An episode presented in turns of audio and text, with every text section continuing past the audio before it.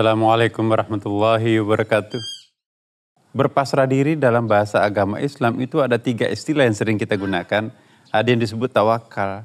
Tawakal itu ialah melakukan sesuatu setelah sesuatu kita lakukan, maka kita pasrahkan kepada Allah. Faiza azamta fatawakkal Allah. Nabi pernah mencontohkan, kamu taruh di mana untanya? Saya tawakal lepas, insya Allah tidak apa-apa. Kata Rasulullah, bukan. Tawakal ialah tambatkan di sebuah pohon untanya, baru tawakal kepada Allah. Nah, ada lagi kepasrahan yang kedua yang disebut dengan taslim. Itu seperti bayi yang baru lahir.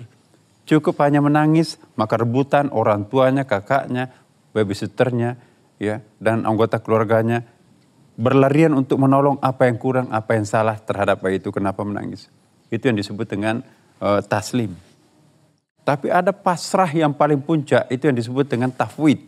Tafwid ini ialah pasrahnya janin dalam kandungan.